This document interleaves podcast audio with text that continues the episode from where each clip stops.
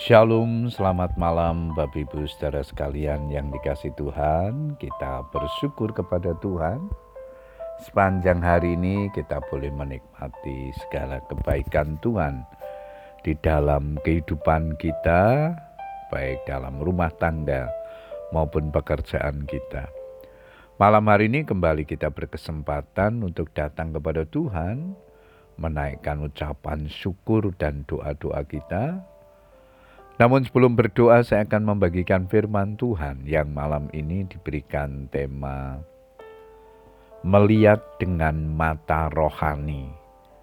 Ayat mas kita di dalam Matius 6 ayat 22 firman Tuhan berkata demikian, Mata adalah pelita tubuh.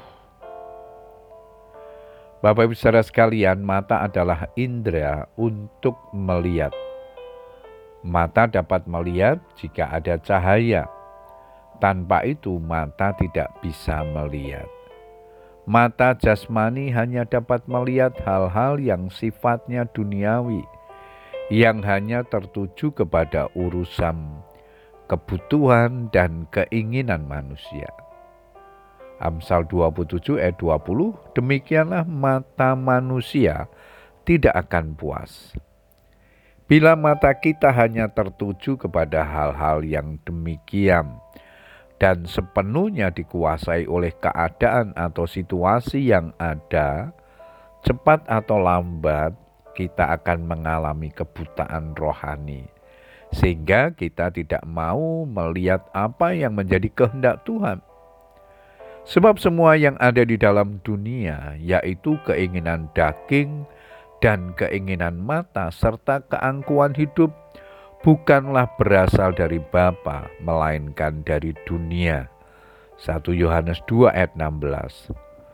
Dengan mata jasmani pula kita mudah sekali melihat kelemahan dan kekurangan orang lain, mengkritik atau menghakimi orang lain, karena kita merasa diri yang paling benar, paling hebat, paling pintar, yang harus dihormati dan dihargai orang lain.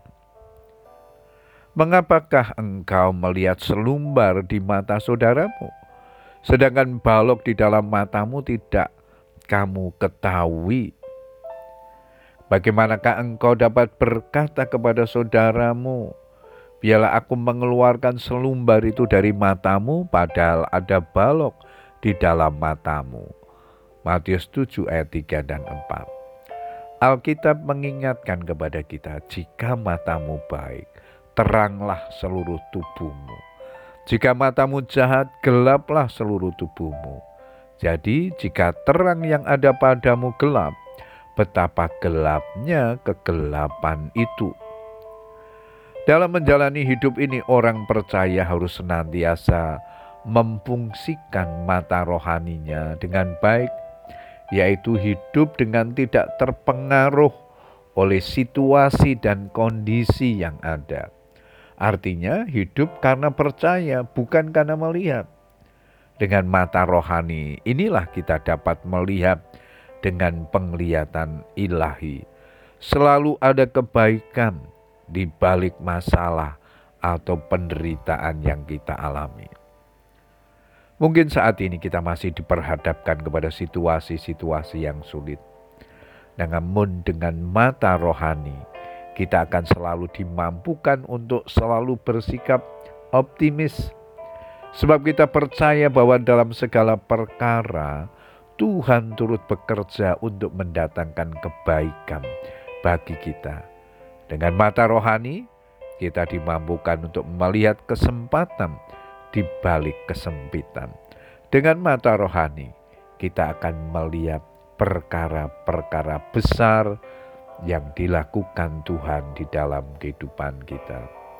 Puji Tuhan Bapak Ibu Saudara sekalian, ialah kebenaran firman Tuhan ini menolong kita untuk selalu melihat segala sesuatu dari kacamata rohani sehingga kita melihat ada pertolongan ada harapan di dalam Tuhan.